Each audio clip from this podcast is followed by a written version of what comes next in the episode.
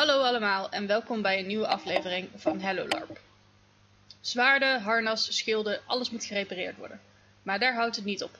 Boekbinden, juwelen maken, zwaarden maken, zomaar een greep uit wat er voor een crafter allemaal mogelijk is. Maar alleen dingen maken of repareren is saai. Het is veel leuker als je daar ook anderen bij kan betrekken. En dat gaan we vandaag bespreken. Vandaag rond de spreekwoordelijke tafel uh, zitten Imke, dan ik, Pascal. Hoi.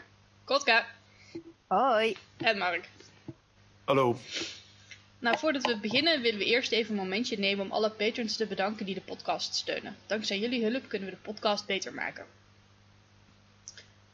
Ehm nou ja, veel van wat we vandaag bespreken is natuurlijk ook al gezegd bij andere afleveringen. Omdat de types personages niet heel veel verschillen en er soms alleen een verschil is in wat je precies kan doen. Hè, hoe het eruit ziet. Desondanks willen we toch graag de serie afmaken en de crafter bespreken. Nou, om dat te doen kunnen we het eigenlijk opdelen in twee delen. Uh, het eerste deel is natuurlijk anderen betrekken bij het kraftwerk. En het andere deel is het gaaf uitspelen van je kracht. Uh, hier kan makkelijk, misschien makkelijk overheen gekeken worden. En daar heeft uh, Mark een heel goed verhaal over. Maar als het gaat om spel creëren is het toch echt een zeer belangrijk aspect. Als anderen namelijk zien hoe gaaf jij je kracht uitspeelt, dan komen ze de volgende keer dat er iets moet gebeuren, mogelijk naar jou, zodat zij het ook mee kunnen maken en vertellen ze het ook aan anderen, waardoor je nog meer mensen hebt die naar je toe komen. Nou, Mark, vertel je cautionary tale over waarom dat het nou eigenlijk best wel belangrijk is dat je daadwerkelijk het kracht uitspeelt. Uh, je moet je weten, dat, ik had het vorige keer het gehad over handelaren. En toen ging het ook wel over dat um, eigenlijk vervangt het systeem met grondstoffen en, en mana en alles. Is eigenlijk het economiesysteem van Vortex, van het grote evenement. Uh, en dan hebben we een, uh, een groep rondlopen. Die bestond uit een, een, een, een groot aantal mensen. Waarvan een aantal mensen eigenlijk alleen maar werden meegesleurd om uh, uh, de puntjes te voorzien die ze nodig hadden om dat craftsysteem omhoog te houden. Dus om, om hun voorwerpen te kunnen maken en dat soort zaken. Misschien als, uh, als waarschuwing voor hoe het niet moet. Het, het craft gebeuren, als je het alleen maar ziet als spel, want dat is het risico wat erin zit. Uh, dan blijft er van het hele roleplayen natuurlijk niks over. Heel goed. Uh, dus laten we beginnen met het be bespreken hoe dat je anderen kunt betrekken bij je kracht. Nou, de ideeën komen overeen met andere type personages. Het basisprincipe is namelijk hetzelfde. Als jij als crafter iets nodig hebt, gebruik dan iemand anders om eraan te komen. Ga niet in je eentje ingrediënten verzamelen, maar maak er een expeditie van. Of laat ze dingen vasthouden terwijl je nog bezig bent met craften. Hebben jullie nog uh, verhalen, ideeën, nou ja, idee is sowieso wel een leuke. Uh, bouwen Monopoly. dan moet iedereen wel naar jou toe komen. Maar ja, dat is wel makkelijker gezegd, denk ik, dan gedaan. Um, ik weet bijvoorbeeld uit ervaring zo'n beetje qua spel. Uh, in Ravenskeep, naar mijn beste weten, is er maar namelijk maar één smid. En voor de rest is er maar, geen andere. Marnix was bezig, maar die is nu dood. dood. Ja, klopt. Uh, hij is hartstikke dood. Dood, dood, dood. maar hij was inderdaad wel, uh, geloof ik, in opleiding bij de huidige smid geweest. En vroeger was er uh, ook nog meer leden van het, van het smidsen.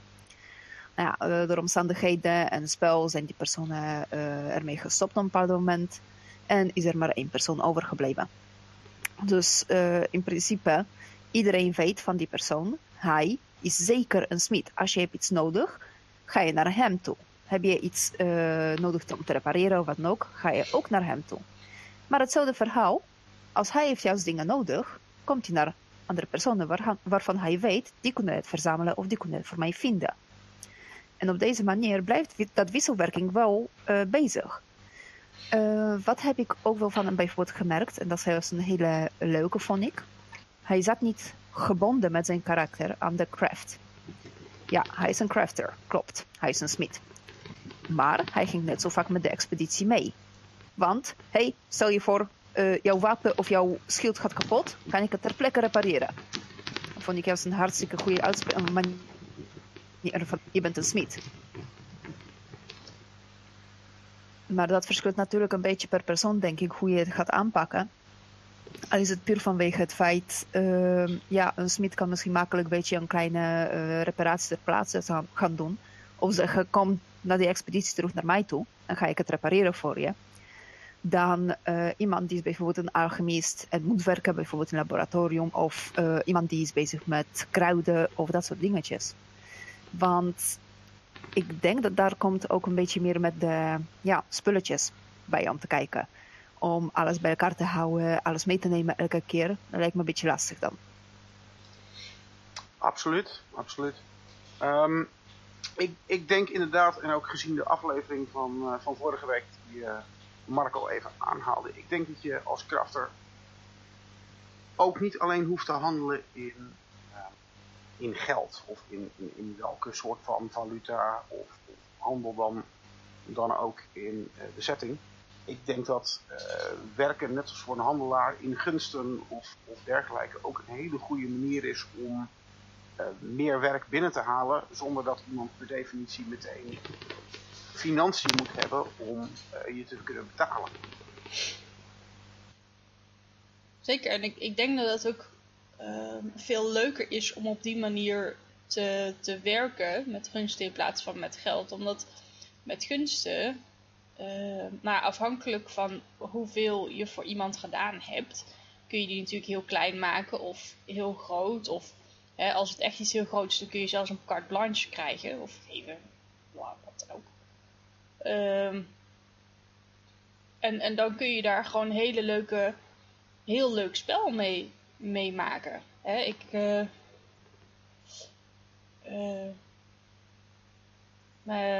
absoluut. En het, het, verlaagt heel erg de drempel om uh, met een kracht in zee te gaan. Ook voor personages die misschien niet heel rijk en welvarend zijn.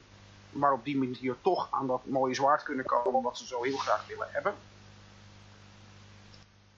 Nou, nou ben ik niet heel uh, ervaren met andere krachtsystemen. Maar diegene die ik heb gezien, uh, daar komt het er volgens mij meestal op neer dat van tevoren is bedacht uh, hoe mensen dingen moeten craften. Dus dit is hoe je een magisch zwaard maakt. Mm -hmm. En vervolgens is degene die dat doet, is de pineut om ergens in een donker hoekje uh, van een grote tent een weekend lang magische zwaarden uit te poepen, zo gezegd. Ik heb ooit een spelletje, iedereen denk ik heeft Skyrim wel eens gespeeld. En dan yep. was de, de, de, winnende tactiek, zeker in de eerste patches, was dat je de hele dag lang Iron Daggers ging maken. Want dan kon je er weer een hele goede smid van en dan kon je hele gave zwaarden maken uiteindelijk. En die waren dan zoveel sterker dan als je rond zou lopen en dingen zou doodstompen. Dus de, de meeste crafting systemen die uh, daarvan is in eerste instantie is bedacht, dan gaan mensen spelen met elkaar, want je hebt die verschillende grondstoffen nodig. Maar in praktijk zie ik volgens mij toch dat uh, mensen vooral aan het zijn om uh, als een soort lopende band de hele dag hetzelfde voorwerpje uit te poepen. Ik denk dat het heel erg verschilt per setting. Wat ik van Boeja gezien heb, is dat veel minder het geval. Ja, mensen zijn wel heel lang bezig om, om bepaalde dingen te maken, maar ik, ik zie daar ook zeker in de crafters die daar zitten, veel meer. Um, veel minder massawerk in en veel meer initiatief en veel meer ontwerp en, en, en echte vorderingen in een bepaald project waar ze mee bezig zijn, dan dat ze uh, twintig daggers over een weekend staan te smijten. Dus heb ik een riskante vraag. Is dat, ligt dat aan de mensen of ligt dat aan het systeem? Ik denk dat het ook heel erg ligt in hoe dat boeia in elkaar zit. Ik, ik denk dat het beide is. En ik denk dat het ook te maken heeft met um, de beloning die je krijgt eventueel voor het werk wat je doet. En het hangt natuurlijk ook af best wel van het systeem. Mm -hmm. uh, in Skyrim bijvoorbeeld, wat werd aangehaald, uh, je maakt zoveel mogelijk van die Iron Daggers, wat zijn het meest goedkope en het meest basic item, om zoveel mogelijk uh, level van jouw skill te, gewoon hoger op te krijgen bij LARP heb je dat niet, de facto. Ja, je kan 20 uh, Iron Daggers gaan uh, maken, maar dan heb je een grote kans dat de uh, spelleiding van crafting gaat je zeggen, nou oké, okay, nu kan jij bijvoorbeeld een Iron Dagger op het epische niveau maken, maar je kan nog steeds geen stukje ijzer ombouwen tot een proper zwaard. Dus ik denk dat dat zou ook het grote verschil zijn bij het LARP. Ja, ik, ik, denk dat, ik denk dat je daar wel een, een punt, uh, een punt in hebt, Kotka. Ehm, wat voor mij heel erg, heel erg opvalt is inderdaad ook wel de speler, hoe de speler in het, in het verhaal staat. Hoe de, hoe de crafter zichzelf wil neerzetten. Kijk, als je voor meest effectief gaat, ja, dan kun je massa dingen gaan maken. Maar is dat nou echt, ja, hoe zal ik het zeggen, de manier waarop je een crafter zou moeten willen spelen? Ja, maar ik, ik, ik, ik zie ook niet hoe dat uh, massa's uh, daggers craften je ineens tot een betere smid zou maken. Want het is niet zo dat je voor het craften van daggers dan experience zou krijgen. In smeden. Nou was dat, ook dit, dat, dat voorbeeld was natuurlijk alleen maar dus, um, uh, om het lopende bandprincipe aan te geven. Niet, volgens mij is er geen uh, LARP-spelletje waar je beter wordt als je meer van dezelfde maakt. Uh, dat... het, het, gaat er wel zeg maar om dat jouw rol in het spel, weet je, we hebben het gehad over ritualisten, handelaren, vechters, die hebben allemaal een, een, een mooi gedefinieerde rol en die hebben allemaal een episch moment. Uh, maar dat episch moment heb je volgens mij niet als crafter. Je grootste nut is het maken van die magische zwaarden, toch? Nou ja, zwaarden waar je magie in kan stoppen. Nee. Ja, ja hoge, hoge kwaliteit uh, items. Nou, dat is het dan juist. Niet alleen de hoge kwaliteit items, maar ook het ontdekken van nieuwe gebruiken. Dat hebben wij namelijk bij de Ravenskip gehad op een bepaald moment. Toen iemand, puur door het experimenteren, kwam erachter dat hij kan mana containers maken. En dat was omdat hij ging uh, aan de haal om te proberen met uh, blauwe kristal. Wat was bedoeld juist voor mana, zeg maar kracht geven, dat soort dingen.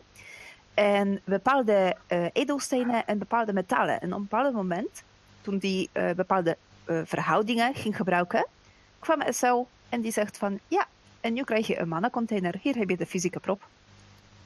En dus in principe, eigenlijk het belangrijkste zou zijn dat, ja, uitzoeken, ontdekken denk ik. Ja, uitproberen. Ja, het, het, het, enige wat ik daar wel over zeg is dat het wel LARP specifiek is. Want dat zou je volgens mij op de Vortex niet gedaan krijgen. Uh, maar uh, Pascal die wel wat zeggen. Ja, absoluut. Uh, op, op Boeia inderdaad is dit absoluut een ding. Zo um, hebben Miranda en ik afgelopen Boeia het voor elkaar gekregen om... nou, ze is in eerste instantie al begonnen met het ontwikkelen van het schrijven van scrolls op Boeia iets wat, een beetje voortkwam uit een combinatie van enchanting en uh, boekbinden. En we zijn afgelopen uh, live zijn we bezig geweest om dat uh, verder door te trekken. En toen heeft haar karakter daadwerkelijk bij mijn karakter een tatoeage gezet. En vervolgens die geïmbuwd, waardoor wij nu tegenwoordig magische tattoos ook hebben te zetten. En dat, dat is voortgekomen uit boekbinden? Dat is eigenlijk begonnen met boekbinden. Dat vind ik uh, leuk. Naar scrolls maken en naar... Uh, ja. Dat, dat, dat, dat, klinkt al, dat klinkt als interessant spel, ja. En ik wil een plaatje van die tattoo.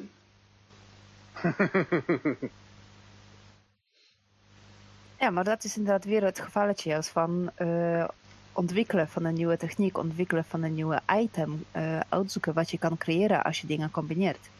Dat is net als in het gevalletje van een uh, uh, magier wat we het over hadden. Dat puur per toeval kwam een magier bijvoorbeeld op Ravenskeep erachter. Dat als je eerst een Petrify cast en vervolgens Shatter, ja, dat je een Fatal gaat uitdelen. Maar dat is dus ook een gevalletje van puur per toeval bepaalde verhoudingen proberen, bepaalde ja. skills proberen te combineren. En dan krijg je dus iets helemaal anders, iets helemaal nieuw. Ja, of een, of een andere speler op Boeia die uh, een, een een nieuweling die binnenkwam met iets wat leek op een vuurwapen. Uh, en die Smit die heeft gewoon een aantal dagen gespendeerd om dat ding te bekijken, te plannen, na te kijken. En heeft het voor elkaar gekregen om daadwerkelijk uh, nieuwe modellen te maken. Dus nieuwe vuurwapens. En is nu bezig, voor zover ik weet, aan een, een verbeterd model voor zichzelf. Maar ja, hier, moet, hier moeten we dus wel bij blijven houden dat het inderdaad wel ligt aan in hoeverre je dat in het systeem kan doen. Want ja, ja nogmaals, dat, dat volgens mij zo'n, eh, wat, wat jij vertelt met Petrify en dan Shatter, dat lukt je op, op Vortex gewoon niet, want dat staat het systeem gewoon niet toe. Volgens mij. Ja, maar sowieso is craften natuurlijk best wel systeemgebonden, omdat je zit met beperkingen in het spel en beperkingen in het wereld waar het zich in zich afspeelt. Ja, maar dat, dat is dan dus weer het jammere van eh, de Vortex in, op dat aspect. Eh, namelijk dat die ruimte voor dat ontdekken is er daar weinig voor crafters.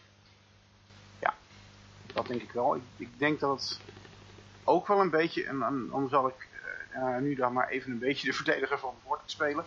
Ehm, Iemand ik moet denk doen. dat het ook heel moeilijk is om op een event wat zo dusdanig groot is, waar zoveel Ja. spelers zijn, om op deze manier met eh, de regels om te gaan. Denk ik dat het systeem verbeterd zou kunnen worden wat ze Vortex hanteren. Ja, waarschijnlijk wel. Kun je het zover uitbreiden als dat op dit moment op Boeia gebeurt? Nee, waarschijnlijk niet. Nee, ja, Dat heeft gewoon te maken met het is te groot. Hebben maar zoveel tijd. Je hebt een beperkt aantal spelers, dus is het handelbaar? Kun je ook dingen wat makkelijker Aangeslo- loslaten? Aangesloten vraag. Weet iemand van ons hoe dat ze dat doen bij Conquest? Nee, ik eh, heb helemaal geen ervaring met Conquest, dus nee. Want dat is een even grote LARP. En dan vraag ik me af hoe dat ze crafting daar doen. Ehm, en of dat, dat dan vergelijkbaar is met, met de Vortex. Namelijk dat je, je, je hebt briefjes en eh, bij wijze van spreken kun je briefjes voor briefjes inwisselen. En dan heb je wat. En als, als je een, een leuke vertolking hebt, is dat prima. Eh, of dat je inderdaad ook nog die ruimte hebt om dingen te, te ontdekken. Of niet zoals je dat bij Ravenskeep en Boeia ziet. Maar ver- vergis je niet dat eh, een deel van de charme van een crafter-speler soms ook helemaal niet ligt in wat je IC effectief kunt bereiken. Ik heb eh, op Esterra namelijk een dame gezien, die is het eigenlijk de hele weekend als ze het rustig ge- geweest had, eh, bezig met nou ja, iets wat ze sowieso leuk vindt en ook haar kracht is namelijk breien. En die is eh, allerlei compleet niet belangrijke stukken kleding gaan breien, zoals handschoenen, sjaals, etc. Je bent toch bezig met je kracht, mensen willen toch wat van je hebben. Ze had er heel veel spel mee met de interactie met wat mensen wilden. Die komen kijken wat ze aan het doen is. Maar niet per se, per definitie, echt een hele grote impact in het spelletje. Ja, dat klinkt zo'n beetje eigenlijk iets wat had ik ook bij de afgelopen boeia meegemaakt, geloof ik. Want eh, daar heb ik ook iemand zien hetzelfde soort gelijke iets doen. Dat was namelijk een speler die wilde, eh, geloof ik, al langere tijd beginnen met een bepaalde hobby. Ik geloof chainmail. Ik weet het niet zeker, om eerlijk te zijn, geef ik eerlijk toe.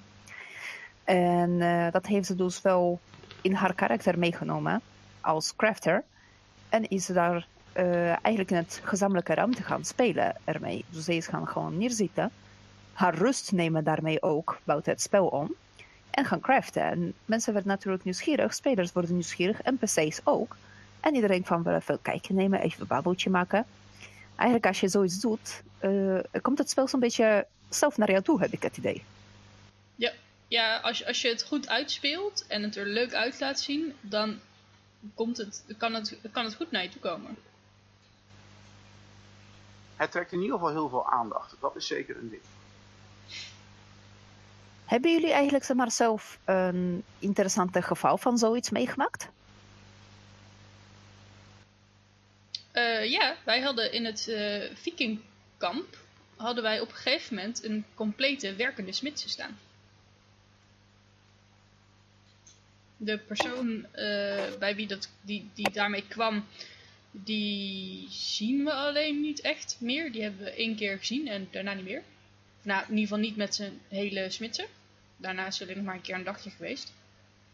Maar dat, eh, toen hadden we ook eh, heel veel bezoek in het vikingkamp.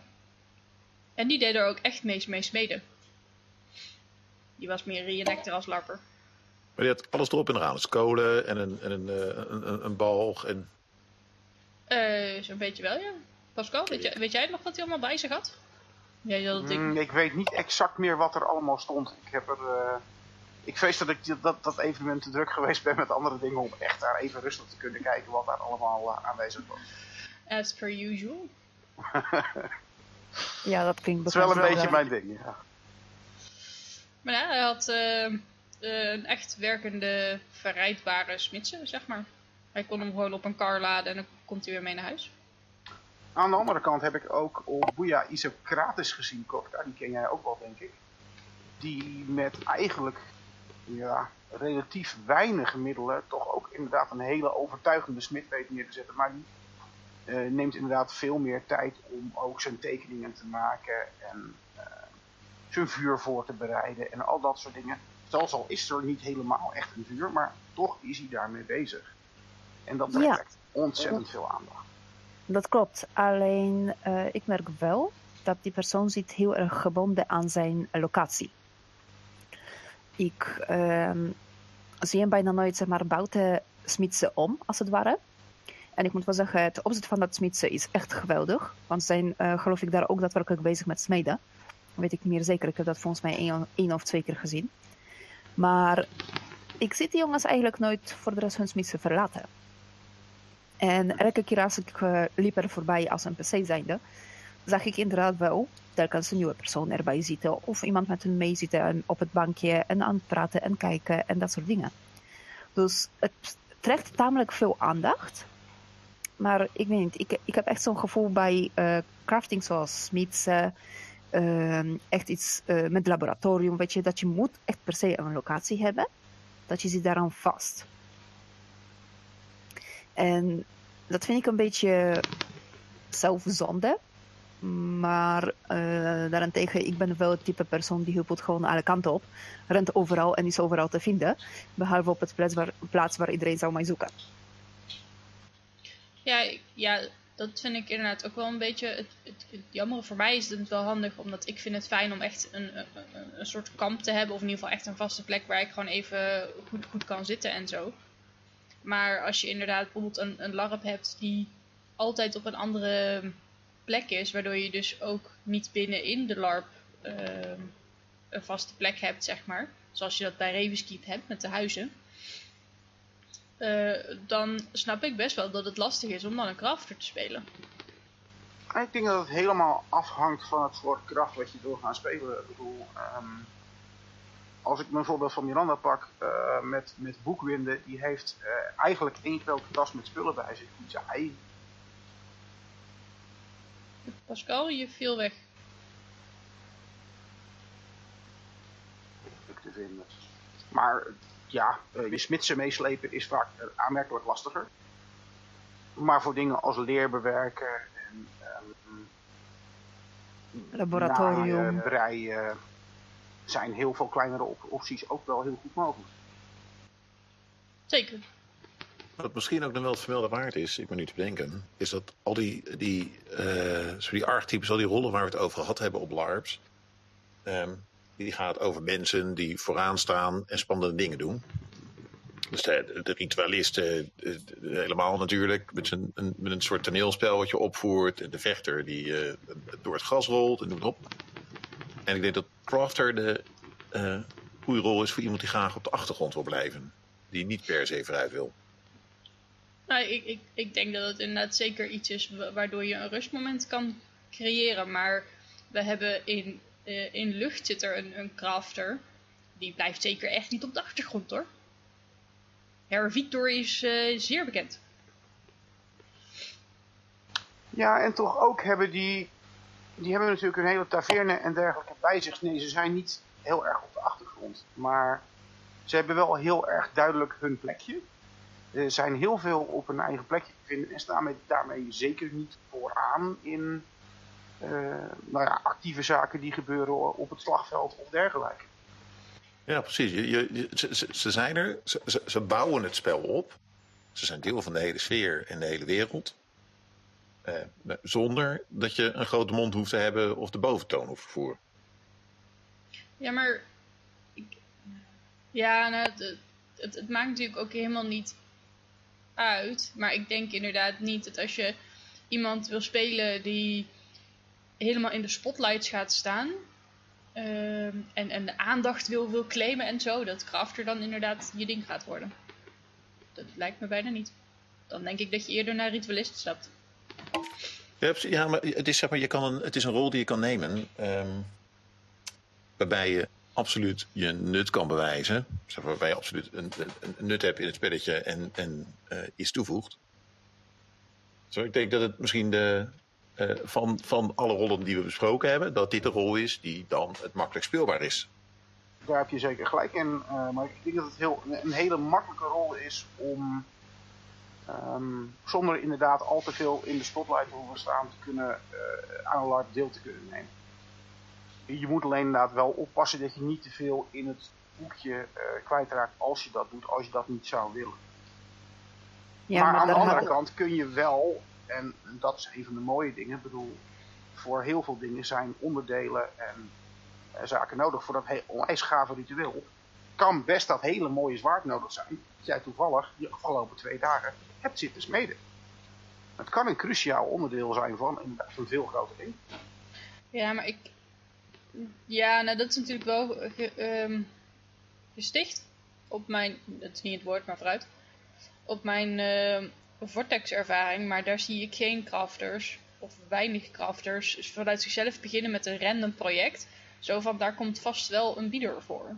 Nee, die gaan dan pas werken aan een project op het moment dat ze iemand hebben voor wie ze het moeten maken. Ergens denk ik dat dat heeft ook een beetje te maken met de physical props. Want als je moet uh, telkens gaan alle dingen uitstellen wat je hebt gemaakt, uh, dan wordt het op een moment een beetje lastig om alles mee te nemen elke keer naar een evenement. Ja. Tenzij je Ashley heet en een ongelofelijke hoeveelheid larpzooi hebt liggen. Wat je elke keer bezet. Bijvoorbeeld. Nou, of, ik ken, ik ken wel een lijstje van dat soort mensen. Uh, ja. Die dingen meezeulen. Ik herinner me iemand die een lege truck gekocht heeft en spullen mee. Ja. ja, zo ken ik iemand met een uh, ouderwetse brandweerwagen. Die gebruiken ze zowel als slaapplaats als gewoon vervoer uh, voor alle larpspullen. Serieus? Hebben ze die omgebouwd? Yep. Nice. Bedenk je wel, het is echt een hele oude brandweerbusje, zeg maar, uh, idee. Denkniveau zo'n uh, oude Volkswagen auto, weet je, zo'n uh, oude busje is het. Die uit jaren 60, of hey. zo'n formaat is het. Ik wil die foto en die gaat op de Hello Larp Facebookpagina. Ik ga kijken of ik kan het regelen. Hier, hier, moet een foto van zijn, dat kan niet. Ik ga het proberen te vragen. Ik beloof niks, dat weet je alvast. Nee, maar om even terug, terug te komen op het, uh, op het verhaal Krafter en op um, ook het spel halen uit, uit andere uh, mensen. Is ik denk dat het gesprek wat jij hebt met degene die iets van jou wil hebben, ook een heel mooie plek is om, uh, om spel te maken. Um, waarom wil iemand het hebben? Wat is zijn bedoeling ermee? Wat wil hij er verder mee? Daar kun je natuurlijk ook je eigen gedachten, ervaringen, uh, ideeën in kwijt als crafter. En in, met dat gesprek kun je al een, een, een begin leggen voor een hele hoop spel. Nou ja, we hebben het nu eigenlijk wel maar een beetje over de standaard crafters, dat wel. Maar hebben jullie ooit het idee gehad van, ik mis een type crafter? Ja, daarom zijn we met tatoeages begonnen. Oké, okay. hoe, hoe, kwamen jullie überhaupt zeg maar, op dat idee? Was het gewoon puur van het idee van, ik wil tatoeage, mijn karakter wil tatoeage hebben, uh, eens kijken of dat is mogelijk? Of was daar gewoon een andere reden voor überhaupt? Uh, ik, ik kan je wel uitleggen waar dat, uh, waar dat vandaan komt. Want het idee komt niet van haar, maar met name van mij vandaan. Het idee om stores te gaan creëren was compleet haar idee, haar, haar, planning om daarmee te beginnen. Ze was al magier. Ehm, ze had eigenlijk heel veel punten over en had zoiets van wat ga ik nu doen zonder dat ik nog meer, magie ga pakken. En toen had ze zoiets van nou dan ga ik enchanten en dan ga ik boek binden. Dat vindt ze allebei leuk om te doen. En is ook iets om, spel te hebben, ook als het wat rustiger is. En gezien het feit dat ik begonnen ben in D&D, ik herinnerde mij op een gegeven moment, D&D uh, kent Psionics. Ik weet niet of, of dat een van jullie wat zegt of meerdere. Ja, um, Psionics ken ik, ja. Ja, nou, nou, bij Psionics zijn ook toen de Psionic tattoos geïntroduceerd. Een vorm van een magische tattoo waar je met de energie die daarin zit uh, effecten kunt bereiken. Ja, klopt. En daardoor kon je dat permanent en, aanhouden en... zonder moeite te steken om dat om, opnieuw te casten of doen, dat soort dingen. Klopt. Ja, nou ja, ik, ik wilde gewoon kijken, zeker gezien uh, Poeja best wel een setting is die open staat voor inderdaad ontwikkelingen, uh, nieuwe ideeën. had ik het idee van, oké, misschien kunnen we eens kijken wat we daar kunnen. Misschien doet het niets, misschien doet het niks, misschien ontploft het gezicht. We zien het wel. En, en op die manier zijn we eigenlijk uh, ja, stukje bij beetje, want ze is dus inderdaad eerst begonnen met oké, ik ga leren boek binden. Is boeken gaan binden. Is toen begonnen met, oké, ik, hè, ik moet inkt hebben, ik ga inkt leren maken. Vervolgens zijn we een stapje verder gegaan. Oké, we gaan magische inkt maken. Dan ga je magische inkt schrijven. En uiteindelijk zijn we dus inderdaad toegekomen op, oké, dan moet ik dus nu gaan leren tatoeëren. Want dat is ook nog een ding, broer. Je kunt niet zomaar omdat je uh, inkt op papier kunt zetten, kun je tatoeëren. Nee, ook dat moet er geprobeerd worden. En dan vervolgens doe je het met magische inkt en dan uh, ja, zie je wel wat het resultaat is. Het resultaat was verrassend interessant en het karakter, mijn karakter loopt nog steeds met een tatoeage die daadwerkelijk wat kan. Maar we gaan hier natuurlijk niet vertellen wat dat precies is. Dat zou de lol uh, bederven. Dan, dan, kom ik op zoek dat IC maar uit. ja, precies. Spelen met die kadaver. Of die, die is nog beter. Inderdaad, spelen met je kadaver. Klopt. Of een kadaver, ik ben niet kieskeurig. Een kadaver, dat klinkt meer als mijn stijl. nee, maar ik ken dat bijvoorbeeld best wel, want uh, ik had op een bepaald moment uh, tijdens, bij Ravenskeep uh, had ik een magische panzer. Nou, de verhalen daarvan blijven denk ik uh, legendary ondertussen aan het worden. Maar dat panzer is op een bepaald moment stuk gegaan. Nou, fantastisch magische panzer gaf je natuurlijk leuke effecten met hele nare bijeffecten, zoals het hoort. Maar panzer heb ik niet meer. Betekent dus dat ik moet een nieuwe panzer hebben. Mijn personage is natuurlijk heerlijk verwend geraakt met dat magische panzer. Zij wil een nieuwe panzer hebben, die heeft een soort gelijke effect.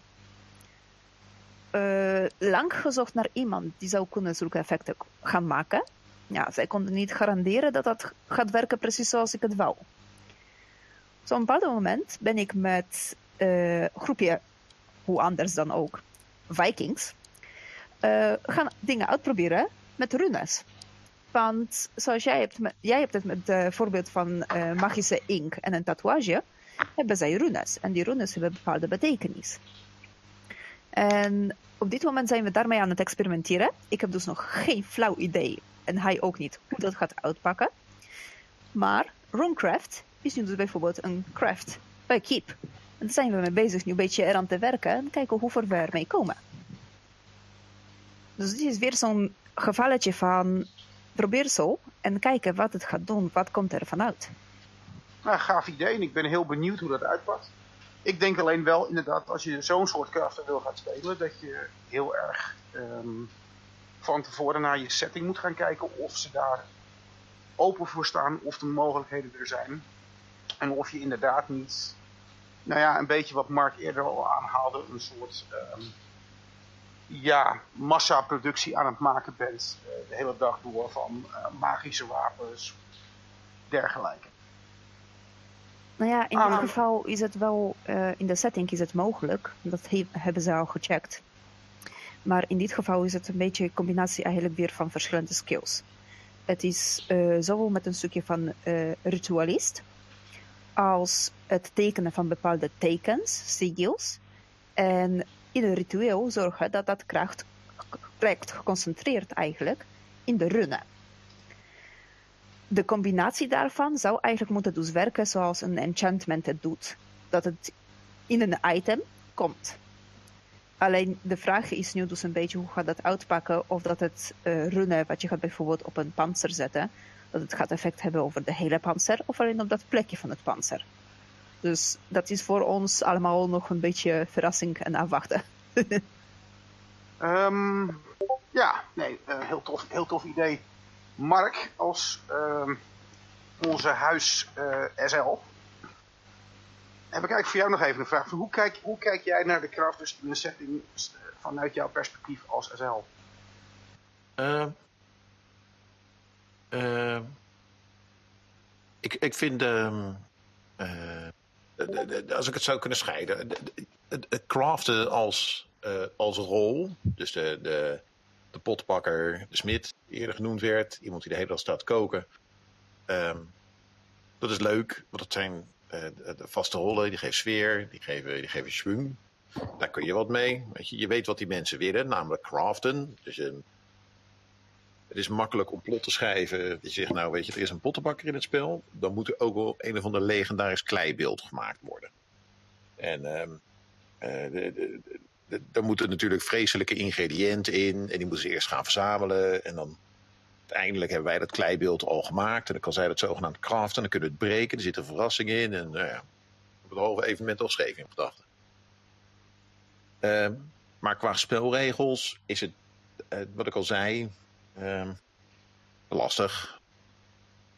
Ehm, omdat craften wordt, ja, wij gebruiken het als systeem om ehm, eh, onze economie draait bij als in Vortex gebruiken het als systeem om de economie draaiende te houden. Dus dat betekent dat je als spelleider vooral te maken hebt met de uitspattingen.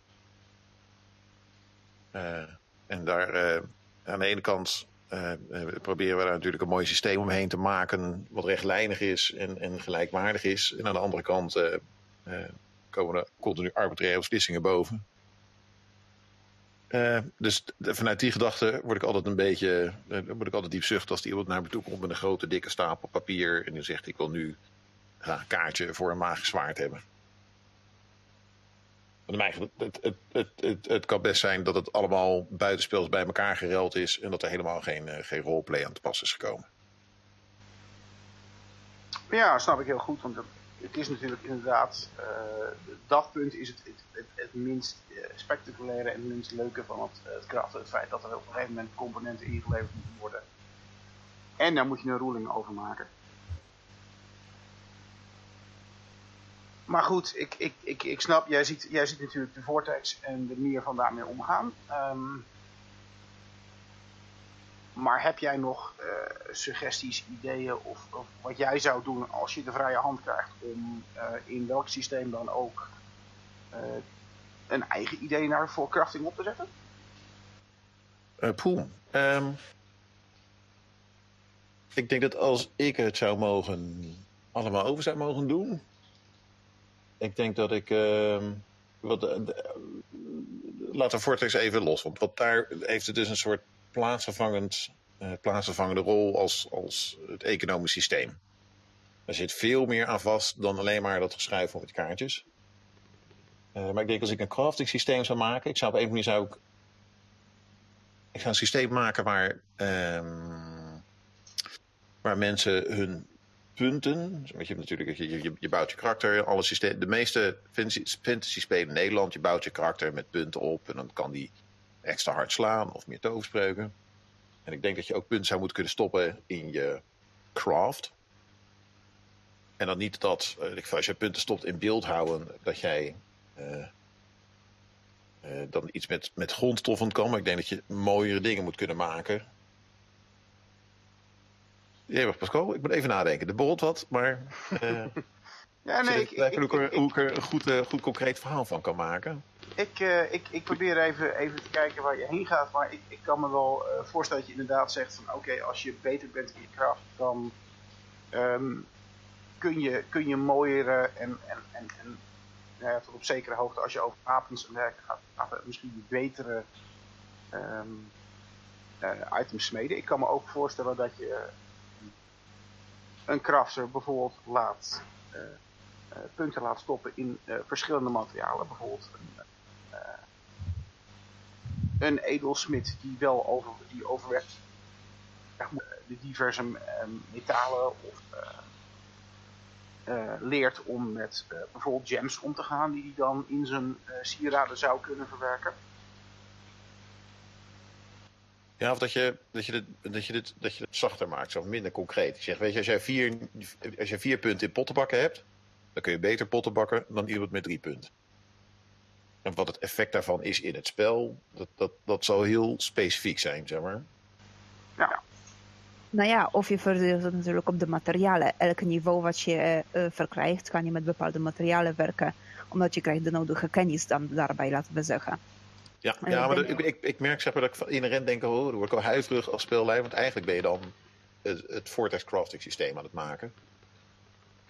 Ik, Ja, het voor, het voor, ja, precies. Je zegt, weet je, verschillende materialen kun je gebruiken als je er meer punten in stopt. En als je iets met, eh, met, met edelstenen wil doen, of je wil eh, bijvoorbeeld ringen kunnen maken, dan moet je wel een, een speciale vaardigheid voor hebben. Of een aantal punten ingestopt hebben. Oké. dat, Maar dan gaan, eh, we, dan gaan we heel snel richting hoe Vortex in elkaar steekt. Dat is knap, eh, gezien het feit dat ik heb volledig geen ervaring met Vortex of wat dan ook. maar in principe zou dat wel logisch zijn, hè? eh, gezien het feit dat ehm te meer ervaring je doet bijvoorbeeld. Nou, hierbij haal ik een eh, even echt een wereldvoorbeeld momentje voor mij. Eh, ik ben een houtbewerker. Naarmate ik langer werk met hout als materiaal en de werking en het snijwerk met materialen, eh, met extra gereedschap. Ik leer bijvoorbeeld gebruik van nieuwe gereedschap. Des te meer ingewikkelde ontwerpen kan ik maken, merk ik. Maar ik kan me makkelijk voorstellen dat voor LARPer natuurlijk jouw karakter. Je kan een beetje moeilijk jarenlang gaan overdoen om eh, werkelijk te leren om iets te gaan doen. Zeker gezien het eh, tijdverdeling in, eh, tussen evenementen. Dat soms wordt gezegd van er is zeven maanden tussen de evenementen door. En de volgende keer is het twee jaar tussen. Dat soort dingetjes. Dus eh, het is dan een logische eigenlijk dat op het moment dat je krijgt een, eh, of verkrijgt een niveau in bepaalde eh, skills van crafting, dat je kan met bepaalde materialen omgaan, omdat je krijgt de kennis daarbij. Dus het is niet zo'n aparte idee eigenlijk, om eerlijk te zijn. En zeker bijvoorbeeld als een eh goudsmid of zilversmid. eh, op een bepaald moment leer je omgaan met bepaalde ontwerpen. Je kan bijvoorbeeld simpeler eh ring maken, gewoon platte band.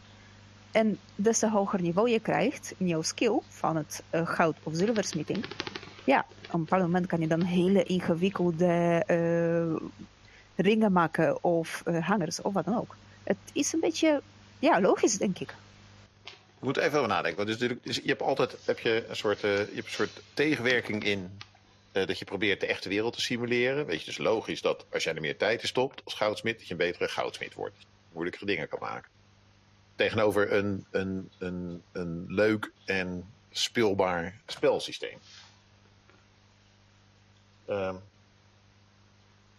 ja, ik, ik, ik vind het moeilijk. Ik weet niet zo goed hoe je, dat, hoe je dat beter zou kunnen doen met skills dan hoe we het nu al doen eigenlijk. Met, met, met crafting dan hoe we het nu al doen.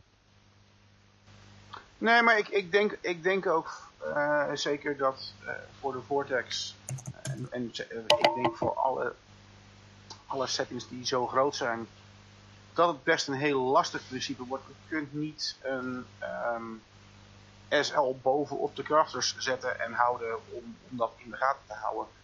Iets wat bij Boeia ook niet echt gebeurt, maar eh, door het kleinere aantal mensen heb je toch wel gauw beter in de gaten waar de diverse spelers mee bezig zijn, wat ze aan het doen zijn, hoe het eruit ziet, et cetera. Ja, dus dat is, dat, is, dat is sowieso al een voordeel. Ja, maar op zich, eh, ik bedoel, bij boeien heb je wel één crafterzel. Hè? Dat is, ehm, die, die hadden we een tijdje terug, hadden we die hier op de podcast. ja. Ehm, en, maar op de Vortex hebben we ook bepaalde specifieke eh SL's ehm, voor specifieke aspecten. Hè? We hebben een eh, rituele SL, we hebben een grove SL. We, hadden een goden SL. Wat, wat dat nu gaat worden, dat weten we niet. Ehm en, en zo hadden we volgens mij nog wel meer. Wat, wat SL's die specifiek waren voor, voor dingen. Hè. We hadden natuurlijk sowieso ook de factiespelleiding. Eh, eh, die dan in een eentje of met z'n tweeën of in ons geval met z'n drieën waren om de boel te bestieren. Ik, ik denk zeker dat als je zou investeren in eh, twee, misschien drie craft SL's. ehm, dat je dan op de Vortex ook rond moet kunnen komen met een wat ehm, intensiever craft systeem zoals je dat ziet bij, de, bij de andere twee die we hebben besproken. Ik denk dat er dan zeker mogelijkheden in zitten om een, om een Oh, ik, craft ik zeg te... niet dat het, on- dat het onmogelijk is. Ik denk alleen dat ehm, je wel heel gauw gaat naar iets wat, als je het eh, minder eh, statisch maakt en, en meer vrijheid ge- vrijheden gaat geven aan de crafters, dat het wel ontzettend SL-intensief gaat worden. En dat is een keuze. En dat is niet altijd even makkelijk. Want ik bedoel, je moet ten eerste moet je je LZ's hebben. Ten tweede, ehm, nou ja.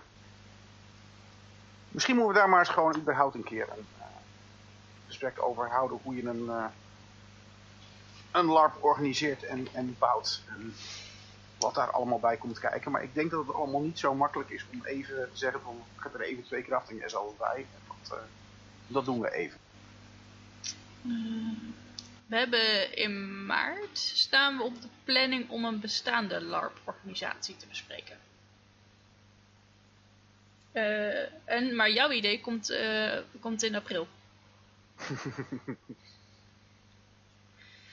dus eh, luisteraars, als het je interesse wekt, ehm, hou het dan vooral in de gaten, want het zijn wel degelijk onderwerpen die we gaan bespreken.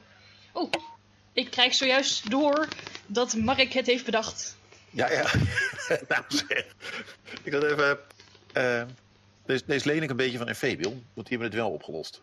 Eh, de, de vraag van Pascal net, weet je, hoe zou je het anders doen? Eh, ik denk, hoe, hoe kun je mensen punten laten stoppen in een, in een, in een craft...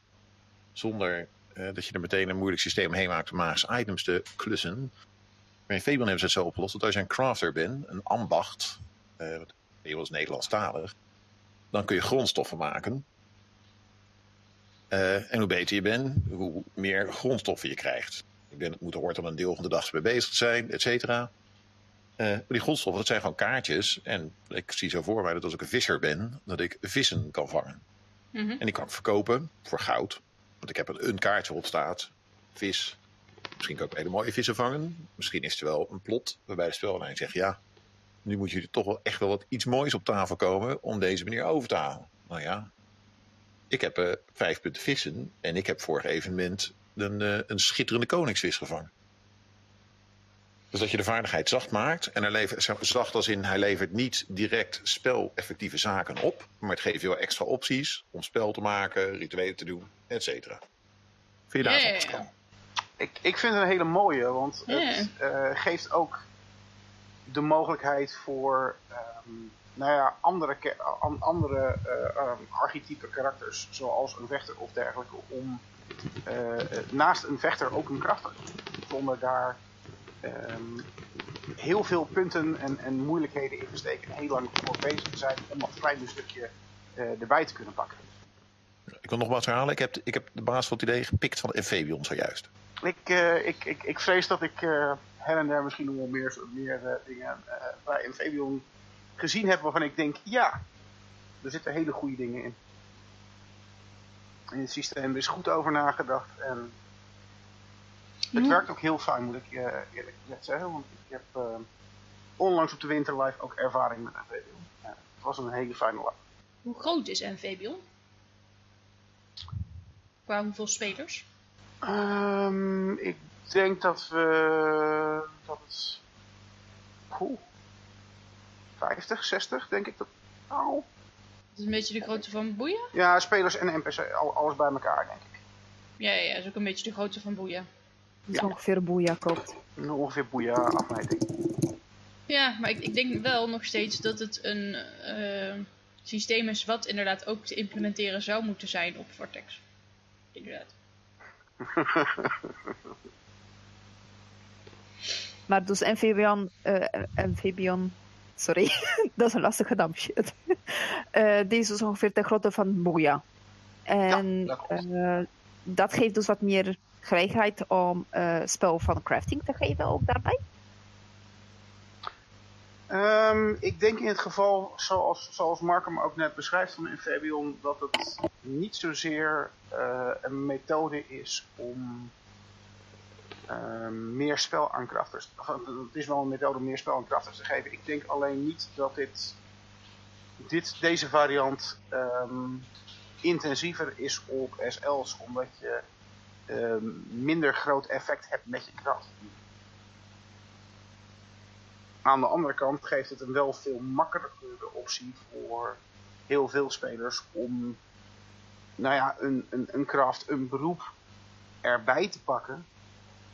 Wat je, wat je eh, in je achtergrond of dergelijke kunt verwerken. Van inderdaad, zoals Mark zegt, van hè, de visser. Ik bedoel, ehm, jij kunt heel goed een, een jager spelen die een, een, een passie heeft voor vissen. En daarmee heel goed geworden is in vissen en dat jouw ambacht geworden is. Ja, dat snap ik. Dat, dat, daar kan ik me best wel in vinden. Maar ik zit me een beetje af te vragen van ehm ambachtslieden zoals, inderdaad crafter, eh, eigenlijk genaamd in het Nederlands. Ehm, of er eigenlijk überhaupt vraag naar is eh, bij LARP. Want ik merk dat op de meeste LARPs waar ben ik op geweest, ehm, zie je één, twee crafters. En op een bepaald moment verdwijnen zij. En ze worden alleen gemist wanneer ze zijn echt nodig nodig. Nou, voor mijzelf uh, is dat al een reden een craftingspel niet echt aantrekkelijk eigenlijk om iets eraan te doen. Maar ik weet niet hoe zien jullie dat eigenlijk, zeg maar. Ik weet niet of jullie hebben zelf ervaring met uh, spelen van een crafter. Uh, ik, ik zit helaas nog aan mijn eerste spelerspoppetje. Het enige wat ik doe craften zijn tarotlezingen. En. Ah, ik weet niet of dat valt onder craft of, of valt dat onder ritualist. uh, in mijn geval onder priester. Ah. Ik, ik denk dat als je... Geen... We hebben het een keer gehad over die, uh, die drie... Uh, wat is het? De... de um, God. de, de, de drie archetypes van spelers. We hadden de... Ja. Yeah. de dramatist en de, de, de gamist en de, die drie. En er was er nog een vierde, dat was de social player. Dat was iemand die vooral naar zijn evenement komt, omdat hij het leuk vindt om met andere mensen rond te hangen. Ja. En ik denk dat, um, uh, dat dat soort type mensen sneller iets als crafter zullen spelen dan, uh, dan wij, de mensen die nu in deze podcast zitten. Volgens mij uh, zijn we allemaal wel van een stevig potje schreeuwen en drama op het veld. Nou, als ik, als ik kijk uh, uh, om naar te kijken. Hier... Om naar te kijken, absoluut. Daar hou ik absoluut van een potje drama schreeuwen. De, drama, ja, is goed hoor. Weet dat het escaleert. Uh, de vraag is hoe hard. Oh ja, sorry. Ik, ik bedoel, zeg maar dat als ik kijk naar het lijstje, ik niet denk dat er, dat er echt crafter types tussen zitten. Nee, dat, dat denk ik ook niet. Ik denk niet dat wij onder de, onder de crafters geschaard zullen worden. Uh, ik, ik, ik zie mezelf nog wel met, met borduurwerk en breiwerk op een, op een larp zitten hoor. Maar daar, daar houdt het dan waarschijnlijk ook wel een beetje mee op. Want ik zit natuurlijk al heel veel in het kamp met het koken. En ik denk dat als ik ook nog een crafter daarnaast zou gaan doen, dan kom ik helemaal het kamp, kamp niet meer uit. Nee, dat is juist iets wat ben ik uh, ook best wel bang voor. Ik ga binnenkort namelijk wel een personage spelen die uh, heeft wel het een en ander te maken met de craft. Maar dat is meer vanuit haar uh, achtergrond, zeg maar. Dus ik ben nu eigenlijk best wel benieuwd hoe dat gaat lopen. Waar kan ik het meeste tegenlopen, denk ik. Zeker gezien het feit, ja, let's face it, dat wordt een nieuwe type spe spelen voor mij zo'n beetje. Grenzen verleggen heet dat. Moi, ik vind het, ik, ik vind het zeg maar constant butsen en uh, generaal spelen een beetje saai worden. Sst, laat uh, Bram je niet horen? Bram weet ervan. Ze is al bestempeld volgens mij als een verrader. Dus oh, meerdere keren alle kanten op en dan allebei de kanten. um, maar op zich zie ik mezelf eigenlijk uh, aan de andere kant ook juist wel weer eindigen als een uh, crafter. Want ik weet dat ik bij een, mijn andere personage wat ik ooit zou gaan spelen, dat was een alchemist. En alchemist en crafter zit een beetje in hetzelfde schuitje. Um, je doet alleen net even wat anders. Nou ja, ik, ik durf wel te beweren dat de alchemist je gewoon een crafter bent. Maar alleen... Ja. Ja, het ligt net even aan, aan de LARP of dat ze samen worden gelumpt of een aparte skill zijn. Ja, maar dat, dat is meer regeltechnisch dan, dan ja. qua spel. Dat. Ja, het hangt daarvan af van uh, waar valt alchemie gewoon onder. Dat zo simpel is het. Ja. Maar in principe heeft het nog steeds te maken met dingen maken, creëren, uh, iets uit het niets maken, dat soort dingetjes. Gebruik maken van materialen om iets te laten ontstaan. En zeker in het geval van alchemie, je werkt met uh, recepten, dus nieuwe recepten uitzoeken. Maar daar heeft denk ik zo'n beetje eigenlijk elke craft, om het zo te zeggen, last van. Ja, en ik, ik moet zeggen dat ik nog heel erg moet leren om dat soort uh, spel te doen waarin je dus echt gaat uitzoeken hoe dat je uh, bijvoorbeeld uh, bij Booyah of bij Ravenskeep nieuwe recepten zou onderzoeken. Want ik ben wat dat betreft misschien een beetje, ja, laten we het lui. Um, noemen in dit aspect. Van dat je bij de Vortex, ja, nou ja, zodra dat je eh, een crafter bent eh, van een eh, specifieke level, volgens mij ook nog, dan krijg je gewoon een receptie met hier, dit kun je bouwen. Of dit kun je maken en dit heb je ervoor nodig. Ja, klopt. Maar dat is inderdaad het ehm, willen spelen versus het kunnen spelen. En jij bestempelt het als uh, lui zijnde, om het zo te zeggen. Maar ik weet dat uh, sommige mensen willen gewoon het spelletje gaan spelen. Die willen gewoon goed uh, lol hebben en een goede tijd. En die gaan dus geen moeite, of willen eigenlijk zo min mogelijk moeite moeten stoppen in het poppetje of in het spelen van het poppetje. En dat is natuurlijk een persoongebonden iets, want dat verschilt gewoon per spelers. En ook per NPC, let's face it, want het is gewoon persoon iets. -hmm. En daardoor heb je kans dat ze moeten eigenlijk in een setting van LARP daar rekening mee houden.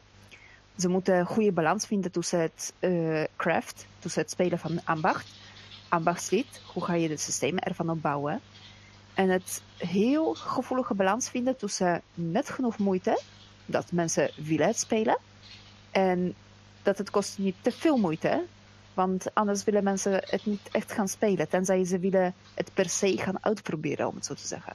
Die balans vinden, dat lijkt me echt ongelooflijk lastig voor spelleiding.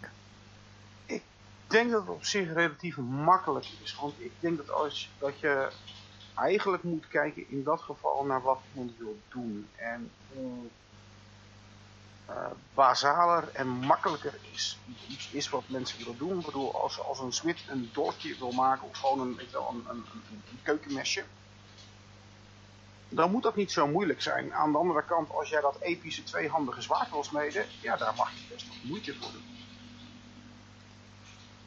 Ik, ik denk dat je het op die manier moet, uh, zou, zou moeten hanteren als, als spelleider van, oké, naarmate het effect van wat je maakt uh, sterker, groter, imposanter wordt, vind ik ook dat wat erin moet en uh, moeilijkheidsgraad en tijd die erin moet zitten, gewoon nou, drastisch toe gaat nemen. Ja, dat klinkt sowieso logisch natuurlijk. Want je moet dat geldt voor al het andere spel eigenlijk ook. Klopt, inderdaad. Want je moet de moeite en de tijd insteken om iets te behalen, een bepaald resultaat. Zoals je wil een ritueel uh, halen uh, bij het aanroepen van iemand of van een demon. Dat moet je moeite insteken, dan moet je uh, ingrediënten insteken, dan moet je mana insteken. Hetzelfde zou moeten gelden ook gewoon voor ambacht. Let's face it. Yeah. Nou, dat is ook iets wat, en, en, en, en daar kan ik persoonlijk Boeja voor prijzen, dat is ook echt wel iets waarbij Boeja uh, rekening mee gehouden wordt. Simpele dingen zijn vrij eenvoudig en snel te maken. Moeilijke dingen kosten veel meer moeite, tijd, inspiratie, etc. Ja, klopt. Want ja, dat, dat hoort een beetje, denk ik. Ja. Maar dat betekent ook dat je als, als uh, mensen een, een ambacht op willen pakken, dat in principe effect bereiken van hun ambacht niet heel moeilijk is. Alleen wel dat als mensen, uh, nou ja, eenmaal een beetje hè, feeling met de ambacht krijgen en ze willen echt uh, grotere dingen, ja, dan moeten ze er meer tijd in stoppen. Aan de andere kant is de beloning die je er uiteindelijk voor krijgt natuurlijk ook gewoon groter. Ik bedacht me net, dat woordje waar was ik net naar uh, op zoek om het niveau zeg maar, van craften, van het ambacht te beschrijven, laagdrempelig. Dat is het woordje wat ik eigenlijk zocht. Hoe hou je een ambacht, hoe hou je het uh, creëren van dingen laagdrempelig genoeg in jouw systeem? Om voor het, dat het voor de spelers is gewoon makkelijk om te gebruiken. Dat is makkelijk voor hen om te doen. Net boeiend genoeg, maar tegelijkertijd lastig genoeg. En ik heb nog niet zoveel ervaring met uh, de crafting systeem van Booyah. We hebben daar natuurlijk wel over gehad in de afgelopen aflevering afgelopen aflevering een van, uh, met Clint Peters erover. Maar uh, heel simpel gezegd, de ene systeem is niet hetzelfde als bij anderen. Natuurlijk, iedereen kijkt een beetje bij elkaar af. Iedereen heeft zoiets van, oh ja, zij hebben daar zo gedaan. Eens kijken of dat zo werkt bij onze LARP. Iedereen kijkt bij elkaar af. Zo simpel is het. Maar als je het kijkt naar oorspronkelijke ideeën weet je, van ambachten. Uh, je hebt gewoon heel simpel drie ingrediënten nodig. Iemand die wil het doen, een ingrediënt, dus materiaal, en tijd. En aan de hand daarvan, dat zijn gewoon de basisdingen wat je hebt gewoon nodig voor ambacht. Aan de hand daarvan kan je al, lijkt me sowieso, heel voorkomen, zeker in LARP, met roleplay. Zou in ieder geval wel moeten. Lijkt mij in ieder geval, maar ik weet niet of dat is vanzelfsprekend.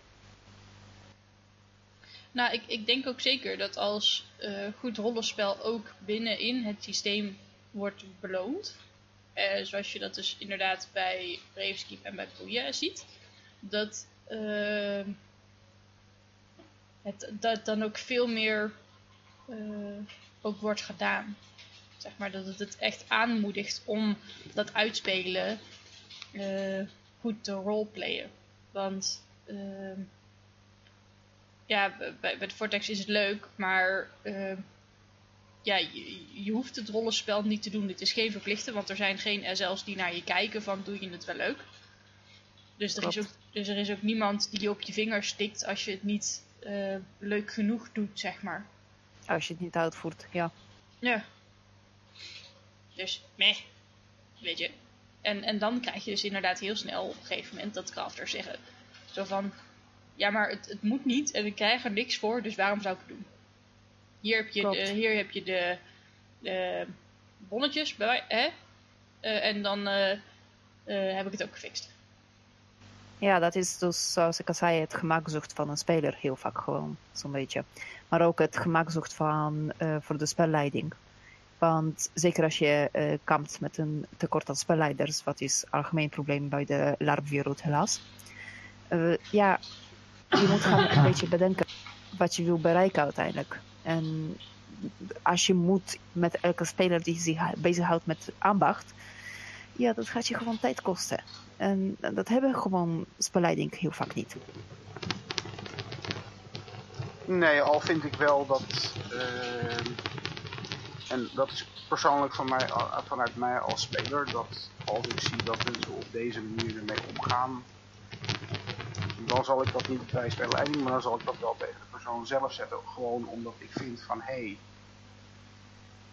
dit is, dit is niet de manier waarop je het spelletje naar mijn mening speelt. Als je dat soort dingen moet doen, IC of krachten, dan moet je het ook doen. Ik vind het net zo frustrerend en irritant als mensen die tippen IC. Absoluut. Dat, dat, dat is het ook, maar dat wil niet wegnemen dat het niet gebeurt. Nee, maar je, je kunt ook proberen om, om dat soort mensen eventueel te helpen en om te kijken of je inderdaad uh, het spel voor ze leuker kunt maken door juist bij ze te gaan zitten en allerlei vragen te stellen terwijl ze met hun kracht bezig zijn. Om alle verhalen in ieder geval even samen te vatten, uh, is het idee erg simpel. Uh, als je zorgt dat het er tof uitziet wat je aan het doen bent en mensen het tof vinden om jou te laten doen. Uh, nee, zorg dat het er tof uitziet wat je aan het doen bent en dan vinden mensen het tof om jou dat te laten doen. Als je ervoor zorgt dat terwijl je iets voor ze aan het doen bent, dat ze dan zelf ook nog deelnemen aan het proces, is het spelletje dan helemaal compleet. Uh, uh, dit was uh, de laatste aflevering van deze serie over de verschillende type personages spelgenererend uitspelen. volgende week gaan we weer verder met een nieuw onderwerp, namelijk OC en IC spullen. Nou, kun je nu ook niet wachten op de volgende aflevering? Denk er dan eens aan om bijvoorbeeld patron te worden voor 5 dollar of meer, of meer op hellolarp.nl. Daarmee steun je de podcast zodat die nog beter kan worden. En je krijgt de afleveringen eerder en kan een kijkje krijgen achter de schermen. Ja, je hoort het goed. We hebben onze eigen website. hellolarp.nl uh, Op dit moment wijst die alleen nog door naar de Patreon. Maar uh, we zijn bezig om ervoor te zorgen dat hij uh, alle afleveringen heeft. Dat er een biografie komt van alle sprekers en meer leuke dingen die wij uh, erop gaan zetten. Ja, deze podcast houdt van verhalen van LARPers en over LARP. En wij willen heel graag jullie verhaal, verhalen in de afleveringen verwerken. Dus heb je een verhaal voor ons die tof zou zijn bij een aflevering, stuur die dan alsjeblieft naar ons op. Dan nemen wij die mee in de aflevering of we zetten die met jouw goedkeuring op de Hello LARP Facebookpagina. Of straks op de website. Heb je een idee voor een aflevering? Schroom dan ook niet om die aan ons te vertellen. We worden dolgelukkig als we een luisteraar blij kunnen maken op die manier. Hopelijk heb je wat gehad aan de tips in deze aflevering en in deze serie en gaan we in de toekomst nog meer toffe crafters zien. Tot volgende week!